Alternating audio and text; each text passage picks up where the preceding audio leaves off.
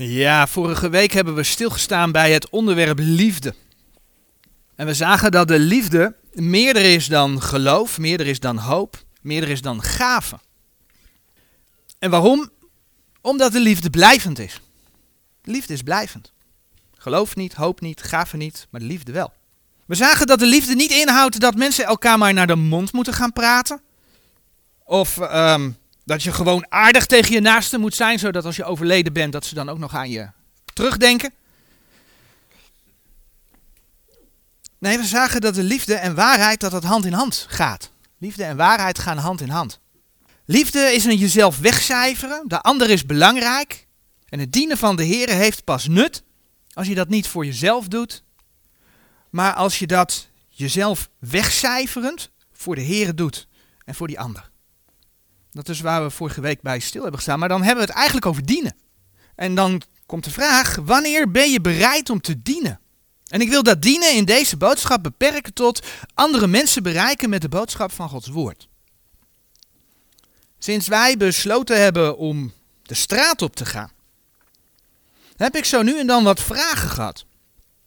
Ook enkele via de mail. En een vraag die mensen zich stellen en die ook regelmatig terugkomt is, kan ik dat wel? En ook, mag ik dat ook doen?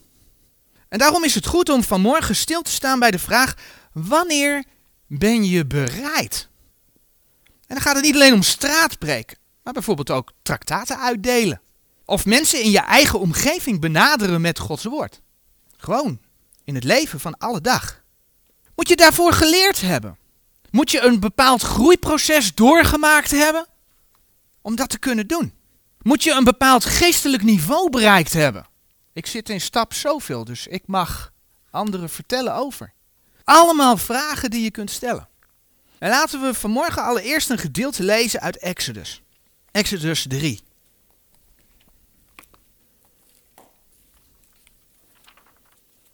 Exodus 3 vanaf vers 1. En Mozes hoedde de kudde van zijn schoonvader Jethro, de priester in Midian. En hij leidde de kudde achter de woestijn en hij kwam aan de berg Gods tot Horeb. En de engel des Heren verscheen hem in een vlam des vuurs uit het midden van een braambos.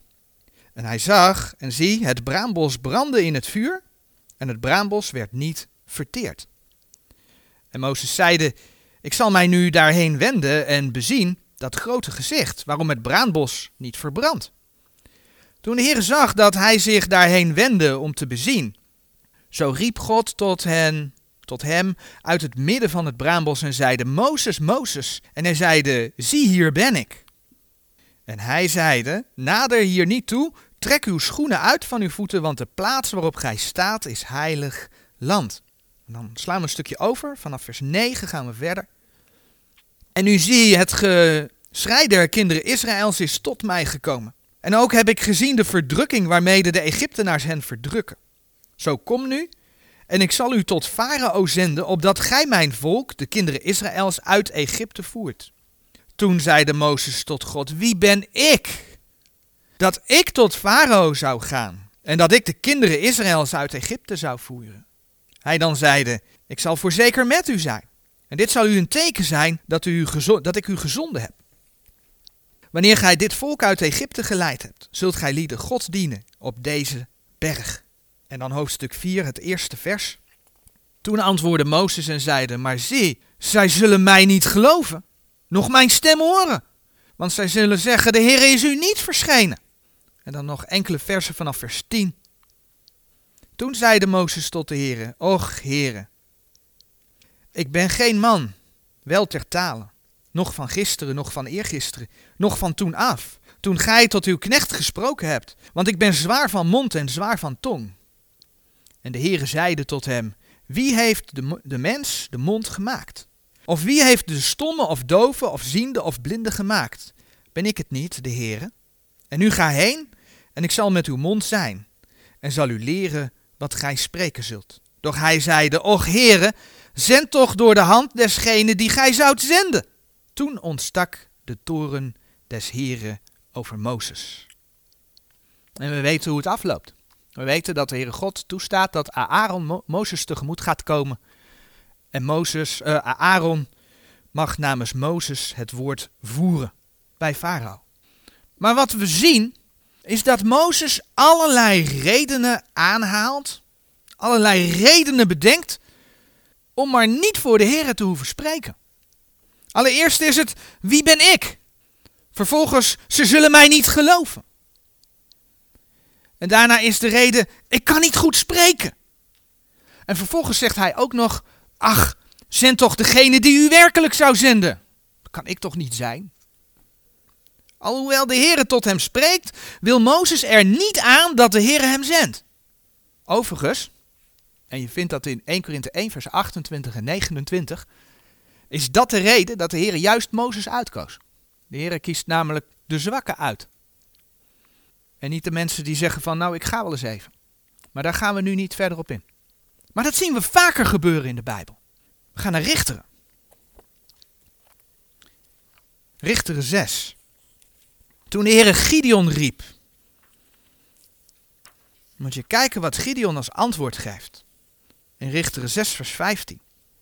En hij zeide tot hem, Och mijn Heer, waarmede zal ik Israël verlossen?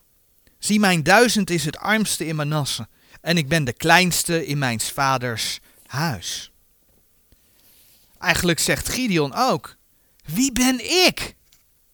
Dat dat van mij gevraagd wordt. Van Jona weten we dat toen hij een opdracht kreeg van de Heere God om te preken tegen Nineveh, dat hij vluchtte. Hij nam het eerste de beste schip, zo ver mogelijk, weg bij Nineveh. En we weten hoe de Heere Jona terughaalde. Wil je het lezen dat Jona vlucht? Dat staat in Jona 1 vers 2 en 3. Zo sprak de profeet Jeremia en die zoeken we weer op in Jeremia 1 vers 6. Toen Jeremia geroepen werd. Jeremia 1 vers 6. Toen zeide ik, ach, heren, heren, zie ik kan niet spreken, want ik ben jong. Dat is Jeremia. Jezaja kom je andere situatie, maar ook tegen. Jezaja die zegt ook, heren, heren, ik ben onrein van lippen. Jezaja 6 vers 5. In Lucas, hou de hand bij Jeremia, want daar komen we zo nog even terug. Maar in Lucas uh, 9 vers 59 en 60, dan zien we dat de Heer Jezus het volgende zegt. Lucas 9, vers 59 en 60. En hij zeide tot een ander, volg gij mij. Doch hij zeide, Heere, laat mij toe dat ik heen ga en eerst mijn vader begraven. Maar Jezus zeide tot hem, laat de doden hun doden begraven, doch gij ga heen en verkondig het koninkrijk Gods. We zien het dus bij de grote profeten en de Heer Jezus bevestigt het. Blijkbaar is het lastig om mensen te vinden die zeggen, ja heren, ik zal doen wat u zegt. Om mensen te vinden die bereid zijn. We weten hoe de Heer bij Jona ingreep. Hoe de Heer Jona terugriep. Grote storm op zee. En het komt uit dat, dat, dat Jona van God wegloopt en hij wordt in de zee gegooid. God haalt hem terug en Jona gaat wel. Maar laten we kijken, ik zei net al, hou de hand bij Jeremia, want dan komen we terug. Laten we kijken wat de Heer Jeremia als antwoord gaf op het feit dat hij in vers 6 zegt, ach Heere, Heere, zie, ik kan niet spreken, want ik ben jong. Vers 7 en 8 van Jeremia 1. Maar de Heere zeide tot mij, zeg niet ik ben jong, want overal waarheen ik u zenden zal, zult gij gaan. En alles wat ik u gebieden zal, zult gij spreken. Vrees niet voor hun aangezicht, want ik ben met u, om u te redden, spreekt de Heere. De Heere zegt dus niet dat Jeremia zich eerst moet gaan trainen. Dat hij moet gaan oefenen in allerlei situaties die tegen zou kunnen komen. Maar hij zegt, en ik, ik verwoord het even nu in eigen woorden, heb geen excuus, maar ga. Wees niet bang, want ik help je. Dat hebben we net gelezen in vers, vers 7 en 8. Dat is een samenvatting daarvan. Maar Jeremia had het moeilijk. Op een gegeven moment wordt hij uitgelachen. En er komt zelfs een moment dat, dat Jeremia zegt, dat kun je lezen in Jeremia 20 vers 9, Heer, ik wil uw woord niet meer brengen, ik wil niet meer in uw, in uw naam spreken. Maar God zorgt ervoor dat het in Jeremia's hart gaat branden als een vuur, staat er in Jeremia 20 vers 9. En Jeremia spreekt wel. Het is zoals 2 Petrus 1 vers 21 zegt. 2 Petrus 1 vers 21 zegt. Want de profetie is voortijds niet voortgebracht door de wil des mensen. Mensen wilden helemaal niet spreken. God zorgde ervoor dat de mensen spraken. Want de profetie is voortijds niet voortgebracht door de wilde eens mensen, maar de heilige mensen Gods van de Heilige Geest gedreven zijnde, hebben ze gesproken. 2 Petrus 1, vers 21. Maar weet je, zoals de profeten geroepen waren, zo is een ieder als kind vandaag, kind van God, vandaag de dag geroepen. Geroepen om de boodschap van de opstanding van Jezus Christus te verkondigen. In Handelingen 2, vers 32, de tekst staat hier op de dia. Daar staat: Deze Jezus heeft God opgewekt, waarvan wij allen getuigen zijn. Dat is op de Pinksterdag waar dit gezegd wordt. De apostelen getuigden van de opstanding van de Heer Jezus. Lees je ook in Handelingen 4, vers 33. Want die opstanding van de Heer Jezus, dat is het waardoor mensen leven krijgen. Daar gaat het om. Het evangelie der genade gods, hè, onder andere beschreven in 1 Korinthe 15 vers 1 tot en met 6. En dan lezen we dat zij daar allen getuigen van zijn. Maar dat geldt ook voor ons. Nee, wij zijn geen ooggetuigen. We zijn er niet bij geweest. Maar we hebben wel de schrift. Wij hebben de schrift. Dus wij kunnen van hem getuigen. En ja, daar komt hij. Dat gaan we opzoeken. 2 Korinthe 5 vers 18. De Heer heeft die taak bij zijn kinderen neergelegd. 2 Korinthe 5 vers 18 tot en met 20. 2 Korinthe 5 vers 18 tot en met 20. En al deze dingen zijn uit God, die ons met zichzelf verzoend heeft door Jezus Christus en ons de bediening der verzoening gegeven heeft. Want God was in Christus de wereld met zichzelf verzoenende, hun zonde hun niet toerekenen, rekenende en heeft het woord der verzoening in ons gelegd. Hij heeft het in ons gelegd. Zo zijn wij dan gezanten van Christus wegen, alsof God door ons baden. Wij bidden van Christus wegen, laat u met God verzoenen. Dus de boodschap aan alle mensen om zich met God te verzoenen, legt de Heere in zijn kinderen. Dat hebben we gelezen. Dus je bent een gezant van Christus. Of je dat nu leuk vindt of niet. De Heer zegt het tegen je. En de vraag is, geef je daar gehoor aan? Dat is, dat is de vraag. Geef je daar gehoor aan? Ja, maar wie ben ik? Ik kan dat niet. Ik ben niet zo goed met mijn mond. Ik ben zo druk in het dagelijks leven met, vul maar redenen in, voor ieder verschillend. Ik ben zo druk. Of, uh, nee, weet je, daar ben ik nog niet aan toe. Ik moet nog iets verder groeien. Of, weet je, ik heb dat en dat gedaan. Denk je nou werkelijk dat ik daar kan gaan staan om anderen te vertellen? Dat ik anderen het evangelie mag vertellen? Je moet ze weten wat ik gedaan heb. Allemaal redenen om er gewoon niets mee te doen. Om gewoon door te gaan met het leven van alle dag. Mag ik je één ding vertellen? Als je jezelf niet bereid vindt en je in slaap zust met dit soort redenen, dan vind je jezelf nooit bereid. Er is er namelijk één op uit om jou in die positie te houden. Je snapt waarom ik voor dit plaatje gekozen heb. Er is er één op uit om jou in die positie te houden. En dat is de vijand van de Heer God, dat is de duivel. Want die wil niet dat die boodschap wereldkundig wordt. Die wil dat we het zwijgen opleggen. Dus, wie ben ik? Als je de Heer Jezus hebt aangenomen als je persoonlijke verlosser, dan ben je een kind van God. Aangenomen als kind van God. En we hebben net gelezen, 2 Korinthe 5, dat je dan ook een gezant van Christus bent. En daar is eigenlijk alles mee gezegd. Zou eigenlijk amen kunnen zeggen, boodschap is klaar. Maar laten we toch even verder kijken. Volgende reden, ik kan dat niet. Ik ben niet zo goed met mijn mond. We hebben de opdracht van Jeremia gezien. En we hebben gezien wat de Heere tegen Jeremia eigenlijk zegt. Hè? Ga, wees niet bang, ik help je. Jeremia 1, vers 7 en 8. Zo kondigde, en die tekst zoeken we op, Lucas 12. Lucas 12, vers 11. Zo kondigde de Heer Jezus in Lucas 12, vers 11 en 12 zijn discipelen aan dat hij gaat helpen. In Lucas 12, vers 11 en 12, daar lezen we. En wanneer zij u heen brengen zullen in de synagogen en tot de overheden en machten, zo zijt niet bezorgd hoe of wat gij tot verantwoording zeggen of wat gij spreken zult. Want de Heilige Geest zal u in dezelfde uren leren hetgeen gij spreken moet. Nou, andere versen die je daar ook bij kunt opzoeken zijn Lucas 21, vers 14 en 15. Dus de Heere belooft om je te helpen. Zoals hij ook tegen Jeremia zei. Hij belooft om te helpen. Dat is iets waar je om mag bidden. Heere, legt u mij de juiste woorden in de mond om te spreken. Helpt u mij, zodat ik het goede zeg.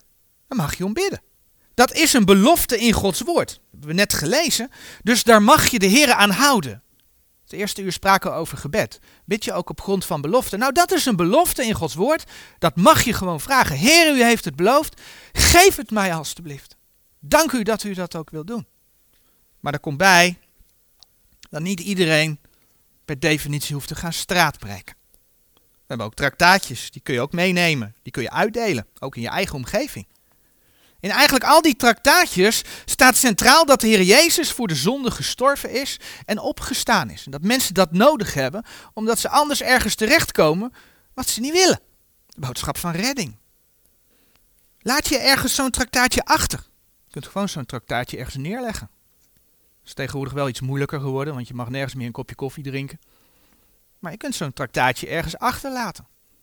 Of ga je langs de deuren. Gewoon traktaatjes uitdelen. Ja, en mocht je dan iemand tegenkomen en er komt een persoonlijk gesprek uit voort, dan mag je de Heer bidden om je in dat gesprek te leiden. Nou, weet je, ik mag met dit punt, mag ik mijzelf als voorbeeld nemen. Maar ik ben helemaal niet zo'n held in gesprekken voeren met mensen. Ik mag dan wel hier staan preken. Maar ik ben helemaal niet zo'n held in gesprekken voeren. Dat vind ik heel moeilijk. Maar dat neemt niet weg dat ik ooit de beslissing heb genomen, nog niet zo heel lang geleden, dat ik die stap mocht nemen. En dat is echt niet volmaakt. Want ik ben niet volmaakt. Ik maak fouten. Weet je, ik, ik, ik kan een boodschap brengen. Mag ik van de heren. Ik kan ook traktaatjes uitdelen. En mocht er dan een gesprek uit voortkomen, dan mag ik de heren bidden. Heren, wilt u mij helpen? Wilt u mij helpen om dat te doen? En dan geldt dus ook voor mij dat ik mag vertrouwen dat de Heer alle dingen leidt. En dan is het dus ook voor mij een kwestie van leren en groeien. En zo is dat voor iedereen. Volgende punt. Ik ben zo druk. Natuurlijk kan het moderne leven druk zijn. Zeker ook in deze tijd. We komen er ook zelf mee in aanraking. Als je ook thuis nog je kinderen moet opvangen en ook het werk moet doorgaan. En... Dus het moderne leven kan druk zijn. Dat klopt. Maar betekent dat dat je nooit ergens een traktaatje kunt aanbieden? Betekent dat je nooit ergens een traktaatje kunt achterlaten? Neerleggen gewoon ergens. Betekent dat je in al die drukte nooit met mensen spreekt? Of is de reden ik ben zo druk eigenlijk een vorm van in dit geval vluchtgedrag? Denk aan Jona. Jona ging ook precies de andere kant op. Zojuist hadden we het al even over groeien. Dat je mag groeien. En natuurlijk, hè, begin je als nieuwe christen, als baby in Christus, begin je met de melk. En op basis van de melk van het woord mag je groeien. Hè? 1 Petrus 2 vers 2. En als nieuwgeboren kinderkes zijt zeer begeerig naar de redelijke onvervalste melk, opdat gij door dezelfde moogt opwassen, dat je daardoor mag groeien. Maar neem niet weg dat je op de een of andere manier, ook als kleintje, kunt getuigen van de Heer en wat Hij voor je gedaan heeft. En dat je kunt doorgeven wat je weet. Je kunt niet alles weten, maar wat je weet kun je doorgeven. Je hoeft niet eerst een volmaakt christen te zijn. Kan je sterker vertellen, een volmaakt christen word je niet. Daar kom ik zo nog op terug. Dat kan niet. Dus je hoeft niet een volmaakt christen te zijn, of wat het dan ook zou moeten zijn, om bijvoorbeeld mee te gaan met een evangelisatieactie. Of zelf traktaatjes uit te delen. Of gewoon te vertellen over de opstanding van de Heer. Daar hoef je niet volmaakt voor te zijn. Ja, dan komt hij. Ook mensen die de Heer al jaren kennen zeggen, daar ben ik nog niet aan toe. Hoeveel boeken Hoeveel handleidingen wil je gelezen hebben? Hoeveel video's wil je gezien hebben voordat je gaat? Boeken en handleidingen die door mensen geschreven zijn. En weet je, als ze daar tienduizenden bladzijden over schrijven, dan weet je dus dat het niet alleen maar wijs is op het woord. Dan weet je dat er heel veel bij verzonnen wordt. Dan moet je weer gaan oppassen. Want wat wordt er aan toegevoegd, wat wordt er van af, afgelaten? Wil je eerst allerlei trucs leren? Maar het gaat niet om trucs. Het gaat om het doorgeven van het woord van God. En dat geldt eigenlijk voor veel meer dingen in het geloofsleven. Je kunt niet allerlei boeken lezen met, met, met allerlei filosofische verhalen eromheen. Dat is het woord van God. Daar moeten we het mee doen. En dan kun je stappen nemen in je geloofsleven. Op allerlei vlak geldt dat. Het enige wat wij kunnen doen, is dat woord doorgeven. En de Heer doet de rest. En een mooi voorbeeld, en dan bladeren we naar Handelingen 16, vinden we in Lydia de purperverkoopster. Dan gaan we kijken hoe deze vrouw tot geloof is gekomen. En dat vinden we in Handelingen 16, vers 14. Handelingen 16, vers 14. En een zekere vrouw met name Lydia, een purperverkoopster, van de stad Thyatira, die God diende, hoorde ons, welker hart de Heere heeft geopend, dat zij acht nam op hetgeen van Paulus gesproken werd. Dus je hoeft niet allerlei trucs te leren. Het is de Heere die het hart opent. Je mag het woord vertellen en als de Heer het hart opent, komt zo iemand tot geloof. Eigenlijk is dat het. Of iemand ja, wijst het af. Als de Heer het hart opent, komt zo iemand tot geloof. Daarom mag je ook bidden voor een geopende deur. En eh, een tekst die daarover gaat vinden in Colossense, 2, Colossense 4. Colossense 4 vers 2. In Colossense 4 vers 2 daar zien we hoe Paulus om gebed vraagt voor een geopende deur. Houd sterk aan in het gebed en waakt in hetzelfde met dankzegging, biddende meteen ook voor ons dat God ons de deur des woords opene, om te spreken de verborgenheid van Christus, om welke ik ook gebonden ben. En dan vers 4 nog, opdat ik dezelfde mogen openbaren, gelijk ik moet spreken. Waar het om gaat is dat je het evangelie kent. En dat evangelie, dat staat in Gods woord. Dat is voldoende. Maar hoe lang wil je doorgroeien? Voordat je de roeping van de Heer wel gehoorzaamt. Je wordt niet volmaakt. Althans, op deze aarde word je niet volmaakt. Als we in Filippenzen 2 kijken. De tekst verschijnt hier op de dia. Filippenzen 2 vers 12. Zegt Paulus ook. Niet dat ik het alrede gekregen heb of alrede volmaakt ben. Op aarde worden we niet volmaakt. Maar ik jaag daarna of ik het ook grijpen mocht, waartoe ik van Christus Jezus ook gegrepen ben. Niet dat ik alrede volmaakt ben, zegt Paulus. Dus aangeven van, nou, ik heb dat niveau nog niet bereikt, dat kan geen reden zijn. Alle wederom geborenen wordt gewaarschuwd, en dan bladeren we naar Efeze 6, opnieuw, om de gehele wapenrusting Gods aan te doen. Om staande te kunnen blijven tegen de listige omleidingen van de duivel. Efeze 6, vers 11. De gehele wapenrusting. Maar wat is een onderdeel van die wapenrusting? Een onderdeel van die wapenrusting, waar we het dan nu over hebben, is het schoeisel. In Efeze 6, vers 15, daar lezen we. En de voeten geschoeid hebbende met bereidheid van het evangelie des vredes. De voeten geschoeid hebbende met de bereidheid van het evangelie des vredes. Enerzijds is dat, je, is dat dat je voorbereid bent in het woord van God. hoe meer je daarin bezig bent, hoe meer je ook kunt uitdelen. Maar het schoeisel heb je uiteindelijk om te lopen, om te gaan. En hoe luiden die overbekende versen van Romeinen 10, vers 13 tot en met 15 ook alweer? Romeinen 10, vers 13 tot en met 15. Ik denk dat ze heel bekend zijn. Maar we gaan ze lezen. Romeinen 10 vanaf vers 13. Want een iegelijk die de naam des Heren zal aanroepen, zal zalig worden.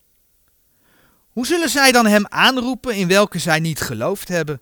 En hoe zullen zij in hem geloven van welke zij niet gehoord hebben? En hoe zullen zij horen zonder die hun predikt? En hoe zullen zij prediken indien zij niet gezonden worden, gelijk geschreven is? En dan komt hij, hoe lieflijk zijn de voeten dergene die vrede verkondigen, het evangelie des vredes. Dergene die het goede verkondigen. Hoe lieflijk zijn de voeten dergene die vrede verkondigen, dergene die het goede verkondigen. Als kind van God heb je een boodschap van verzoening met God. Je bent een gezant van Christus. En als kind van God word je geacht je voeten geschoeid te hebben. Met de bereidheid van het evangelie des vredes. Leg je dat naast je neer, dan doe je dus niet de gehele wapenrusting aan. Ben je dus niet geheel beschermd tegen de aanvallen van de duivel. En als je er wel gehoor aan geeft, ook al ben je nog maar een baby in Christus, als je er wel gehoor aan geeft en je trekt de wapenrusting geheel aan, dus ook die schoenen, dan mag je al lopend doorgroeien. En ja, dat zal met vallen en opstaan zijn. Maar je mag lopend doorgroeien. Maar, volgende reden. Maar ik heb dat en dat gedaan. Ik kan daar toch niet gaan staan om anderen te vertellen hoe het zit. kan ik toch niet maken. Waarom niet? Why not? Iedereen heeft gezondigd. En iedereen zondigt nog steeds. Maar als je een kind van God bent, dan zijn je vroegere zonden vergeven. Daar heb je vergeving voor gevraagd. Dan doet de Heer het weg. Heeft de Heer het weggedaan. En ook als je voor je huidige zonde vergeving vraagt, hebben we vanmorgen al gezien, maar hier staat hij nog een keer. 1 Johannes 1 vers 9. Dan doet de Heer alle ongerechtigheid weg. Hij doet het weg.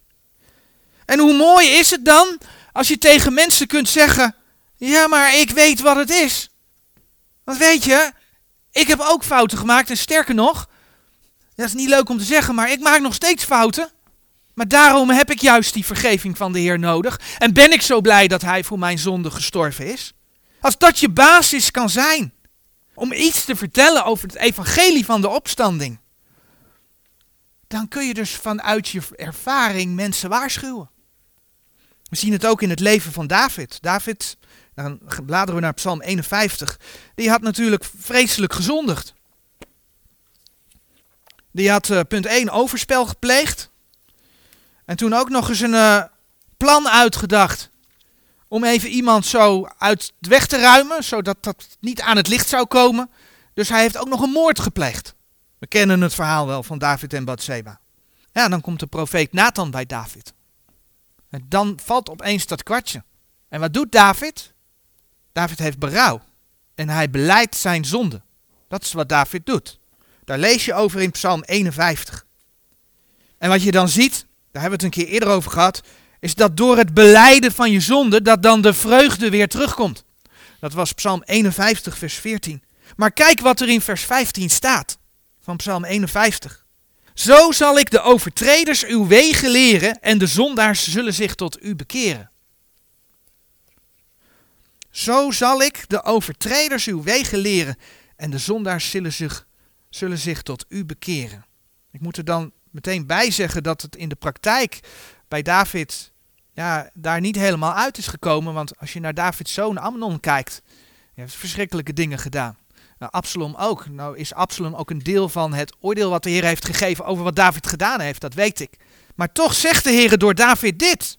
Zo zal ik de overtreders uw wegen leren en de zondaars zullen zich tot u bekeren.